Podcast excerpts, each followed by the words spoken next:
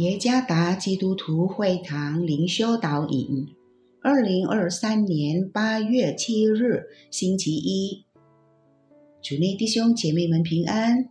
今天的灵修导引，我们要借着圣经路加福音第十章三十八到四十二节来思想今天的主题：那上好的福分。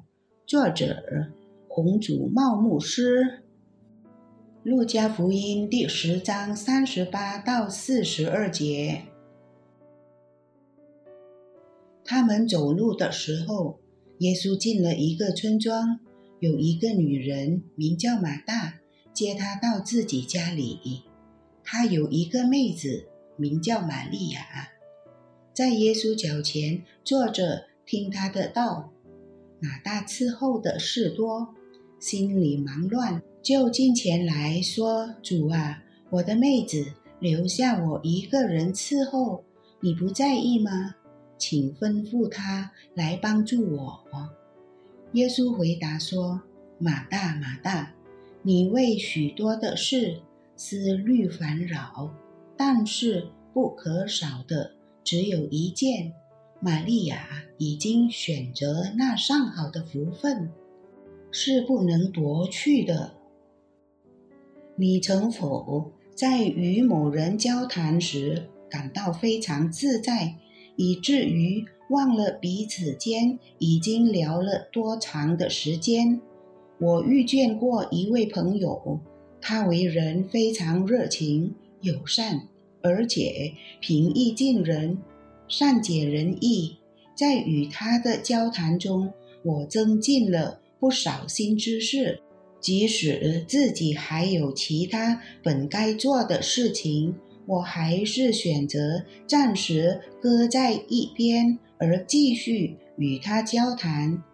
不知不觉，我们在一起谈天已有好几个小时了。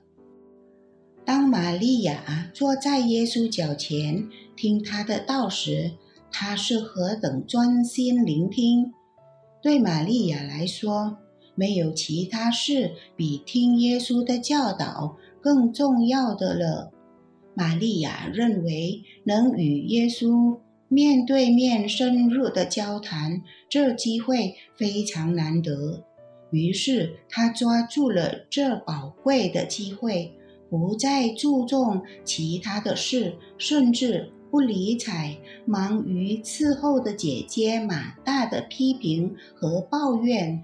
仍然静坐聆听耶稣的教导。值得感恩的是，主耶稣也重视玛利亚的选择。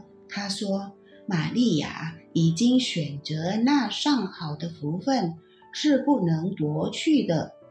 若我们能从主那里得到这样的称赞，那是何等美的事！”请问我们的态度如何？我们是否已选择那上好的福分？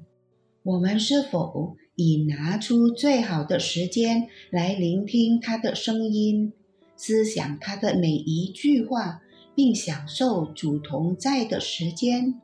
早上起床后，我们应当腾出时间坐在主的脚前；在教会敬拜时，我们应当。